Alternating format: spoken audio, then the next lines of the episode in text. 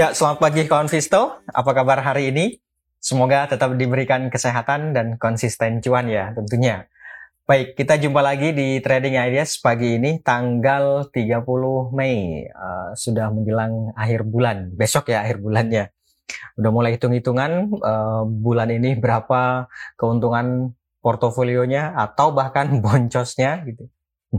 Baik, sebelum uh, membahas tentang ide trading seperti biasa, ada baiknya kita review dulu pergerakan IHSG di perdagangan kemarin. Ya, kemarin indeksnya ditutup melemah berada di level 6681. Lebih pasnya 6681.102 ini uh, pelemahan ini bisa dibilang ya melemah tipis ya, hanya 5,9 poin itu kalau uh, poin. Tapi kalau secara persentase pelemahannya adalah 0,09 persen, bahkan nggak sampai 0,1. Ya kalau mau dibulutin 0,1 ya boleh aja sih, 0,1 persen kan. Nah, melihat dari pergerakannya, memang uh, di awal sempat dibuka menguat terlebih dahulu, akan tetapi itu tidak bertahan lama, kemudian muncul tekanan jual yang memaksa indeks kemudian bergerak di teritori negatif. Bahkan uh, praktis sepanjang perdagangan setelah uh, apa namanya masuk ke teritori negatif di awal perdagangan kemarin, sampai dengan akhir sesi perdagangan indeksnya bergerak di teritori negatif. Akan tapi menariknya adalah uh, apa namanya kalau kita bicara kecenderungan. Nah, sebelum kita bicara ke kecenderungannya terlebih dahulu di sesi pertama kemarin memang mengalami tekanan jual cukup sampai cukup uh, ya cukup dalam lah 0,3 persen sih nggak nggak sampai di atas 0,5 persen. Nah tapi yang jelas di di perdagangan sesi pertama kemarin dominasinya tampaknya lebih didominasi oleh tekanan jual. Meskipun mulai jam 11 gitu itu sudah muncul dorongan beli yang tampaknya mencoba untuk menghambat laju pelemahan indeks. Yang pada akhirnya di sesi pertama mampu ditutup setidaknya membaik dibandingkan dengan uh, apa namanya sebelumnya uh, men, uh, apa jam-jam sebelumnya lah gitu ya yang mengalami tekanan jual cukup masif. Nah, tapi secara keseluruhan di sesi pertama ini meskipun muncul dorongan belinya itu ya bisa dibilang cenderungnya cenderung bergerak melemah. Mirip-mirip um, dengan sesi pertama, di sesi kedua kemarin sebenarnya indeksnya sudah mulai membaik atau melanjutkan penguatan yang terjadi di sesi pertama, di akhir sesi pertama. Jadi meskipun indeksnya kemarin di sesi kedua itu dia bergerak di teritori negatif, bahkan di sepanjang perdagangan itu bergerak di teritori negatif, akan tetapi sebenarnya dia muncul dorongan beli yang melanjutkan di akhir sesi pertama. Jadi uh, bisa dibilang ya membaiklah dibandingkan dengan sesi pertama. Jadi bicara kecenderungan di sesi kedua uh, uh, di sesi kedua ini memang cenderungnya kalau kita tarik garis kecenderungan itu cenderungnya bergerak melemah gitu ya. Uh, apa namanya tekanan jualnya tampaknya lebih mendominasi. Tapi kalau secara keseluruhan ini uniknya kalau secara keseluruhan baik dari sesi pertama maupun sesi kedua ini kan membentuk eh, apa namanya higher low gitu kan ya? Membentuk higher low berarti kalau kita tarik garis kecenderungan dari jam atau dari jam 11 atau uh, uh, menjelang berakhirnya sesi pertama sampai dengan akhir sesi kedua itu bisa ditarik ya kecenderungannya cenderung bergerak menguat. Hanya saja memang dominasinya baik di domi baik di sesi pertama maupun di sesi kedua tampaknya lebih didominasi oleh tekanan jual. Nah, menariknya adalah kemudian di akhir-akhir sesi kemarin uh, muncul dorongan beli yang memaksa indeks kemudian mampu ditutup menguat menjadi lebih baik yaitu ditutupnya menjadi uh, eh, 0,09 minusnya tinggal tinggal 5 poin atau ya tipis jadinya pelemahannya. Apakah itu kemudian nanti akan berdampak di hari ini? Coba nanti kita lihat bareng-bareng ya. Tapi bagaimanapun indeksnya kemarin ya pada akhirnya itu melemah. Artinya uh, uh, saham yang membawa indeks bergerak melemah itu tampaknya lebih menguasai. Nah, dari pelemahan yang terjadi di indeks itu saham-saham apa saja sih yang kemudian membawa indeks bergerak melemah di perdagangan kemarin? Yang pertama ada Bian. Kemudian disusul oleh BRI atau Bank Rakyat, kemudian disusul juga oleh Bumi, lalu ada BEPS dan terakhir ada NCKL.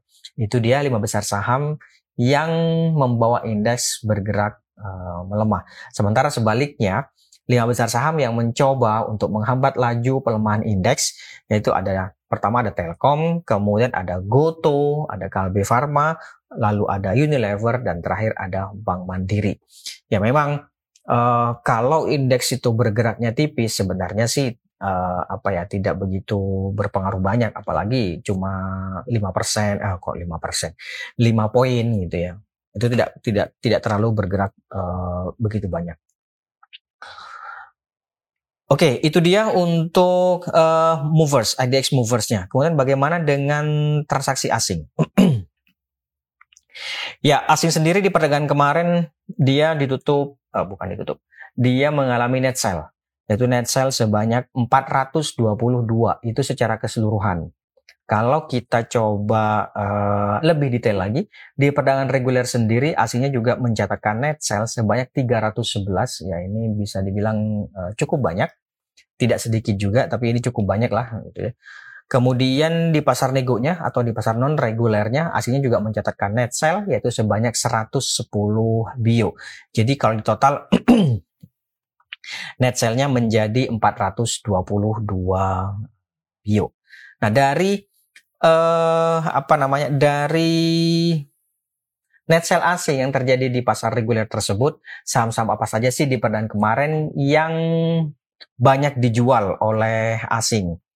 Ya, lima besar saham yang paling banyak dijual oleh asing di perdana kemarin. Yang pertama ada Bank Rakyat Indonesia atau BBRI. Menduduki ranking pertama paling banyak dijual oleh asing, yaitu net sale-nya 124 bio. Kemudian disusul oleh Telkom, lalu ada BCA, ada Astra International, dan terakhir ada United Trackers atau UT. Itu dia lima besar saham yang paling banyak dijual oleh asing.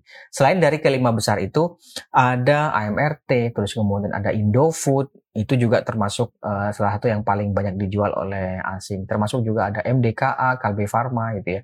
Cuman dia masuknya ke 10 besar. Kalau lima besarnya, uh, sebagaimana tampak yang ada di layar lah gitu ya. Oke, itu dia untuk uh, apa namanya net sell asing atau lima besar saham yang paling banyak dijual oleh asing. Sebaliknya, lima besar saham yang paling banyak dibeli oleh asing di perdana kemarin ada apa saja? Ya, yang pertama ada Goto. Goto menduduki ranking pertama yang paling banyak dibeli oleh asing. Uh, cukup menarik juga ya selama beberapa hari ini Goto uh, apa namanya dikoleksi oleh asing kan katanya mau ini ya uh, private placement. Private placement nunggu RUPS di akhir bulan depan. Kemudian disusul oleh uh, Adaro, lalu ada Unilever, kemudian ada PTBA, dan terakhir ada ICBP.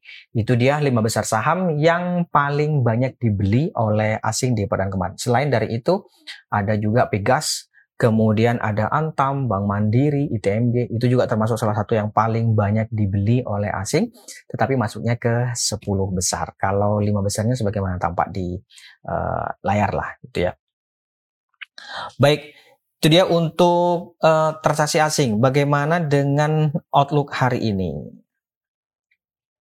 Ya, sekarang kita ke sini kawan.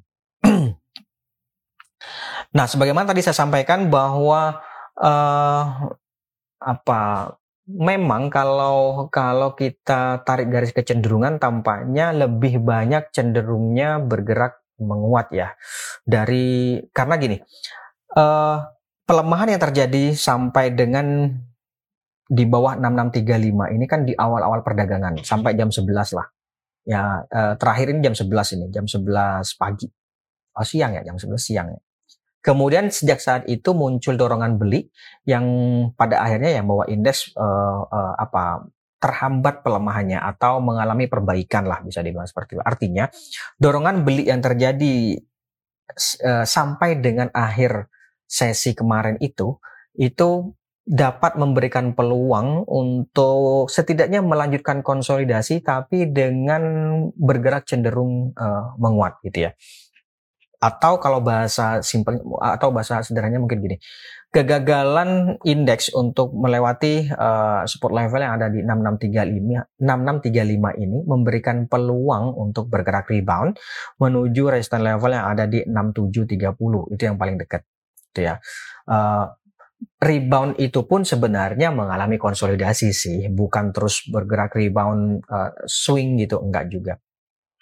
Tapi memang sampai dengan saat ini indeksnya masih mengalami konsolidasi atau melanjutkan konsolidasi. Tapi memang spreadnya lebar yaitu di 6635 sampai dengan 6760. Ya, itu kan uh, uh, cukup lebar ya, 130-an ya kan? 130 poin itu uh, gede sih. Nah, Hari ini sih diperkirakan akan kembali bergerak fluktuatif atau ya melanjutkan konsolidasi, tapi ada peluang untuk mengalami kecenderungan menguat terbatas. Bisa saja di awal dibuka melemah terlebih dahulu, terus kemudian seiring dan berjalannya waktu pelemahannya semakin menipis, bahkan tidak untuk kemungkinan masuk ke teritori uh, positif gitu ya. Ya, ring pergerakan diperkirakan antara 6635 sampai dengan 6730 di level-level itu kawan. Baik, saya pikir itu untuk uh, eh, IHSG-nya. Kalau dari sentimen, ya sekarang ini kan yang lagi rame dari sentimen luar negeri, debt selling, uh, eh, US itu kan pagu hutangnya. Tapi itu sudah terjadi be, uh, berkali-kali sih, dan saya yakin uh, apa namanya itu juga tercapai ah, pada akhirnya tercapai kesepakatan. Jadi menurut saya sih nggak ada yang harus dikhawatirkan dan itu hal-hal yang biasa sih. Nanti pada ujung-ujungnya uh, apa namanya uh, deal juga gitu. Akan mencapai deal juga gitu. walaupun dulu kan sempat memang uh, apa namanya kemudian untuk selama beberapa minggu atau beberapa bulan ya dua bulan beberapa gitu masih cukup alot. Tapi pada akhirnya ya deal juga gitu. Dan menurut saya itu bukan satu bukan isu yang yang uh, besar sih walaupun juga sentimen ya namanya juga sentimen kan uh, bisa membawa hari ini melemah gitu. Tapi secara garis besar seperti itu. Oke sekarang kita ke ide trading. Ide trading yang pertama ada sebentar saya lihat dulu. Ide trading yang pertama ada Antam Nah, Antam di perdagangan kemarin mampu ditutup menguat, penguatannya 3 poin atau 15 rupiah. Dan saya pikir sih, ini saya gedein dulu. Nah, ini dia. Ya. Nih, sampai dengan saat ini harga belum mampu untuk melewati support level yang ada di 19.15 ini. Maka kemarin kan sempat ya, kemarin mencoba untuk melewati 19.15 hanya saja ya kembali mampu ditutup menguat di 19.35. Jadi menurut saya ini uh, ada dua strategi yang bisa dipertimbangkan. Pertama adalah speculative buy. Speculative buy boleh, yaitu di 1925, 1925 sampai 1935 itu boleh juga. Nanti TP-nya di berapa? Kalau dapat harga di 1925 menurut saya sih 1950 sudah bisa sih dipertimbangkan untuk uh, take profit ya. Coba kita hitung. Kalau kita dapat harga di 1925 terus kemudian uh, apa namanya TP atau take profit di 1950 kita untungnya berapa sih? Kita untungnya hmm, 1,3 persen cukup nggak? Ya berarti 0,9 persen bersih. Kalau nggak cukup, wah itu, itu itu masih di bawah satu persen bersihnya. Oke, bisa dinaikin ke sini kawan. Berapa ini? 1965 ya lumayan lah ya. 1965 kemudian di 1975 ya di level-level itu. Yang jelas resistance level terdekatnya dibandingkan dan closing kemarin itu yang pertama adalah 1950. Ini uh, uh, terdekat ya. Saya bilang terdekat 1950, 1965, 1975. Tapi memang kalau yang cukup kuat itu di 1975 ini. Nih, di sini kawan. Ini cukup kuat lah. Ya. Melihat uh, apa namanya stokastik yang cenderung bergerak menguat ini saya pikir sih masih ada peluang untuk bergerak menguat atau melanjutkan penguatan. Setidaknya ya konsolidasi ya, ya enggak? Konsolidasi 1965 sampai 1975 tadi. Oke, itu antam. Nanti stop lossnya kalau ternyata harga melemah sampai di bawah 1900 ya bolehlah dipertimbangkan untuk uh, amankan modal. Itu kalau spekulatif buy. Kalau uh, strategi yang kedua berikutnya buy on witness boleh juga 1915 sampai 1925 ya di level itu. Itu ya. Oke, itu untuk antam kawan. Kemudian berikutnya ada lagi uh, sebentar. ASII, ASII. ASII. Nah, ini dia ASII. Oke. Sampai dengan saat ini ASI tampaknya belum mampu untuk bergerak di atas 6675. Kalau melihat bearish crossover yang ada di stokastik ini, saya pikir sih ada potensi untuk mengalami koreksi jangka pendek. Jadi bagi yang sudah punya, menurut saya sih nggak ada salahnya untuk uh, amankan keuntungan terlebih dahulu, ya take profit lah gitu ya. 6700 boleh, 6650 juga boleh. Nanti bottom fusion-nya bisa dipertimbangkan di 6425, 6325. Memang idealnya sih di sini bottom fusion-nya yaitu di 6300-an. Di sini nih kawan.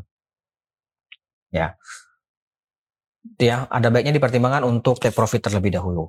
Untuk ASII gitu. Kalau saya view-nya uh, uh, short to medium ke atas atau long term bahkan misalnya gitu. Kalau view-nya short to medium ke atas atau long term belum punya, maka ada baiknya dipertimbangkan buy on breakout saja. Ini ya, ini weekly ini. Ini weekly chart. Ini ya. Ini weekly chart. Sampai dengan saat ini dia masih belum mampu melewati resistance level yang ada di sini nih. Jadi idealnya adalah buy on breakout seharusnya di atas setidaknya ya di atas 6750 atau atau uh, eh, 6800 di atas itu sih setidaknya gitu ya. Oke, baik. Itu untuk ASII. Kemudian berikutnya ada Telkom. Ini Telkom cukup menarik sih. Ya, kalau melihat pergerakan harga selama uh, beberapa hari terakhir, tidaknya dua hari terakhir lah gitu ya. Ini um, apa namanya disebut three rising method enggak? Enggak, karena ini hanya empat candle. Jadi kalau three rising method memang kurang satu. Berarti kalau gitu two rising method nggak ada sih. Tapi ya kalau mau dipaksain two rising method ya uh, boleh saja. Tapi nggak ada sih teori itu. Oke, okay. Uh, penguatan yang terjadi di sini ini ya bisa dibilang ini uh, apa namanya bullish continuation itu lebih pas. Kenapa? Karena selama dua hari terakhir dia kan mencoba untuk bertahan di atas MA 200-nya nih atau ya bisa dibilang MA, MA 20, MA 50 juga sama lah gitu ya. Nah, penguatan yang terjadi di perdaan kemarin itu uh, cukup menarik, artinya dia mengalami bullish continuation atau melanjutkan penguatan yang sempat tertunda selama dua hari. Jadi begini, ini selalu ulang-ulang ya. Saya selalu saya ulang-ulang. Ini terjadi long white candle. Kalau terjadi long white candle, biasanya terjadi pause atau breath. Nah, dua hari ini dia mengalami breath. Terus kemudian kemarin dia bergerak menguat bahkan sampai di atas closing ini. Oleh karena itu ini bisa saja sih dipertimbangkan untuk trading buy. Kalau trading buy kok trading buy kok bukan spekulatif buy? Ya, karena resistance level terdekatnya itu ada di 4270. Which itu kan berarti sudah dekat. Atau di atasnya lagi ini nih, ini berapa nih? 4300 atau 4340. Ya. Karena uh, resistance levelnya sudah cukup dekat, artinya kan potensial returnnya kalau dibandingkan dari sini dari bawah sini nih, potensial returnnya kan sudah mulai terbatas gitu ya. Tapi kalau melihat golden cross yang terjadi di MACD ini, ini masih memberikan peluang untuk berlanjut menguat. Maka ya boleh saja tadi trading buy atau speculative buy. Tapi uh, uh, dengan resistance level yang cukup dekat yaitu 4270 lebih pasnya sih trading buy. Nah, kalaupun mau spekulatif buy dengan uh, berharap sampai ke 4450 yang di sini cukup ini cukup ideal sih untuk take profit. Bahkan di sini aja udah cukup ideal sih.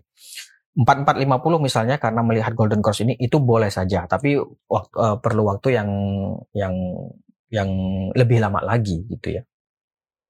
Oke, itu untuk Telkom boleh dipertimbangkan untuk trading. Cukup menarik ini Telkom. Nanti stop lossnya kalau ternyata harga melemah sampai di bawah 4120 di bawah sini ya.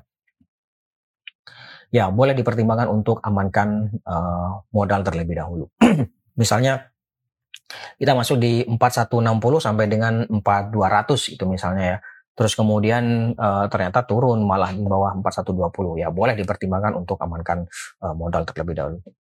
Kalau dapat harga di 4160 menurut saya sih 4270 bahkan 4300 udah bisa sih untuk take profit. Kalau dapat harga di 4200 misalnya ya 4340 lah boleh juga. Uh, Oke, okay, itu untuk Telkom. Saya view-nya short to medium bukan mau bukan main jangka pendek misalnya. nah kalau suatu medium view-nya beda lagi. Kalau suatu medium ini boleh saja spekulatif buy. Ini baru aja dia golden uh, golden cross bullish crossover stokastiknya, ya kan? Berarti masih panjang nih perjalanannya. Makanya tadi saya bilang, uh, kalaupun mau berharap sampai ke 4450, ya itu boleh saja. Karena memang uh, kalau satu medium ya arahnya ke situ sih. Itu. Nih, di sini nih. Cukup menarik. Ya, tapi ya itu tadi perlu waktu yang lebih lama lagi gitu. Oke, itu untuk Telkom kawan. Om Lil. siap, siap ke mana? Hmm, hari terakhir nih live. Oke. Uh, berikutnya ada lagi sebentar MDKA. Ya, MDKA ini memang uh, selama hampir sebulan ya dia mengalami tekanan jual ya. Ya, tapi uh, akhir-akhir ini dia cukup menarik sih. Menariknya di mana? Nih. Pertama kita bahas ini dulu nih. Ini sudah selama seminggu terakhir dia mengalami konsolidasi. Ya kan? Artinya pelemahan yang terjadi atau tekanan jual yang terjadi set, uh, uh, selama dari pertengahan April lah ya. Dari pertengahan April sampai dengan uh, pertengahan Mei itu kurang lebih ya satu bulan berarti itu sudah mulai terhambat. Dia mengalami konsolidasi. Artinya ini uh, apa hmm, strategi yang paling pas menurut saya adalah buy on breakout. Kalau melihat kalau melihat stokastiknya yang cenderung bergerak menguat nih, ya kan? Ini kan stokastiknya cenderung bergerak menguat nih, bahkan oh, sudah masuk ke ke apa namanya uh, melewati atau keluar dari oversold area. Nah itu yang paling pas. Nah ini memberikan peluang untuk bergerak rebound. Itu benar kalau melihat stokastik seperti ini. Tapi karena harga masih tampaknya dia mengalami konsolidasi, maka uh, strategi yang paling pas menurut saya adalah buy on breakout, yaitu di atas 3030. Kalau saya nggak suka buy high sell higher, ya berarti spekulatif buy di sini. Masalahnya kalau spekulatif buy di sini, saya khawatirnya gini. Kalau kita belinya uh, buy low sell high, ya di katakanlah 2880 ini kan supportnya di 2880 nih Uh, saya khawatirnya dia terus kemudian nanti mengalami bearish continuation gitu. Karena kan memang tekanan jualnya masih ada gitu kan. Tapi kalau setidaknya dia buy on breakout di atas 3030 ini berarti kan sudah menunjukkan uh, munculnya perlawanan dari buyers gitu kan ya. Gitu. Uh, penguatan di atas ini nih di atas 3000 berapa? 3030 tadi ya. Itu peluangnya ke sampai ke 3270 sih. 3270 itu yang garis merah nih kawan. Oke sih. Menarik ya. Itu untuk MDKA kemudian berikutnya ada Unilever. Nah ini juga Unilever ini cukup menarik sih sebenarnya. Uh, saya gedein dulu deh. Saya gedein dulu terus kemudian saya kecilin. Nah gini ya. Mudah-mudahan kelihatan harusnya sih kelihatan. Jadi gini eh, filosofi dari pergerakan uh, Unilever ini. Ini kan dia mengalami double bottom ya kan? Double bottom dengan tipe uh, Hawa dan Adam atau Eve and Adam. Nah uh, penguatan di atas tagline uh, apa namanya double bottom ini dia bergerak menguat sampai 4.500 hanya saja kemudian throwback itu terjadi sampai uh, dua hari yang lalu. Ya kan? Throwback uji 4370 terus kemudian dia bergerak rebound menguat sangat tinggi kemarin bahkan sampai di atas 4.500 kalau berdasarkan measures of Bulkowski apaan sih? Ya pokoknya MOB lah gitu lah. Ya secara teori double bottom tipe seperti ini itu bergeraknya ke sini. Ke uh, eh, 4.600 itu menurut MOB. Nah, tapi kalau secara konvensional yang biasanya uh, sudah kita ketahui itu ada di sini targetnya 4680. Jadi menurut saya sih ini ya boleh saja sih dipertimbangkan untuk trading buy juga. Barangkali kemarin sudah ikutan di 4500. Kalau mau mengikuti teorinya MOB maka ya di 4590 atau uh, sudah bisa sih dipertimbangkan untuk take profit. Tapi kalau baru mau ikutan trading buy di 4.500 sampai dengan 4.550 masa iya mau TP di sini gitu ya 4.590 kan uh, kurang layak gitu mungkin ya. Untung nggak sih? Ya harusnya sih untung ya. Coba nanti dihitung sendiri ya. Nah boleh dinaikin sampai ke 4650 atau 4680 di sini. Yang 4700 juga boleh lah. 4700. Ini kan target minimal ya kalau uh, apa namanya uh, pattern kayak gitu itu. Gitu ya. Oke, itu untuk Unilever. Nanti stop lossnya kalau ternyata harga melemah sampai di bawah 440, 4440 ya boleh dipertimbangkan untuk uh, amankan modal terlebih dahulu. Terus kemudian nanti bottom fishing lagi di 4370 kayak gitu. Oke, itu untuk Unilever cukup menarik sih, apalagi di sini juga terjadi bullish crossover.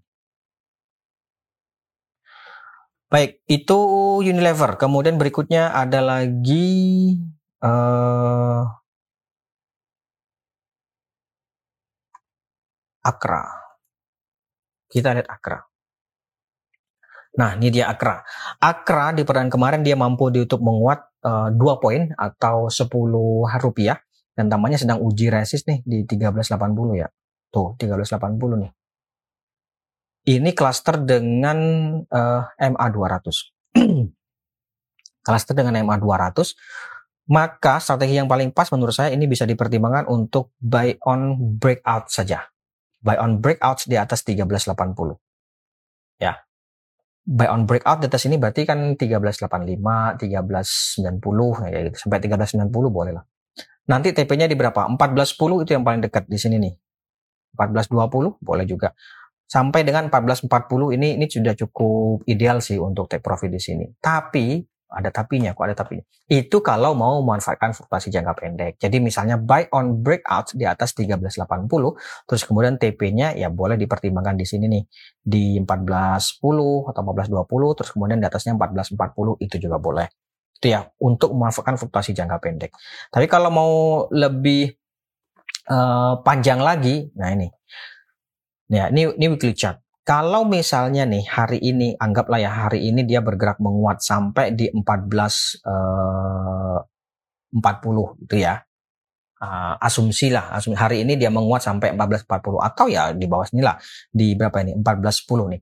Maka MACD ini saya menurut saya sih akan mengalami golden cross. Ya, kalau terjadi golden cross, uh, uh, ya bisa saja kalau fluktuasi jangka pendek sih nggak ada. Yang penting oh, uh, pokoknya ya kalau udah cuan ya bungkus gitu ya. Tapi kalau terjadi golden cross agak sayang nggak sih kalau kita uh, terus kemudian buru-buru lepas gitu ya. Tapi sekali lagi itu tapi view-nya short to medium jadinya kan. Tapi kalau mau manfaat fluktuasi jangka pendek sudah paling benar kalau misalnya nanti penguatan di 1410 atau 1440 TP dulu. Perkara besok uh, gimana ya kalau besok naik besok uh, potensi lagi atau berpeluang lagi ya kita ikut lagi gitu kan itu uh, oke okay juga sih itu ya untuk Akra. Baik, saya pikir itu dulu kan Visto untuk hari ini. Terima kasih atas kehadiran dan partisipasinya. Kita jumpa lagi uh, besok. Oh, besok sudah bukan saya sepertinya. besok ganti personil.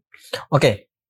Uh, mohon maaf jika ada salah kata selama ini dan uh, sekali lagi terima kasih. Tetap jaga kesehatan. Selamat pagi, salam investasiku for better tomorrow.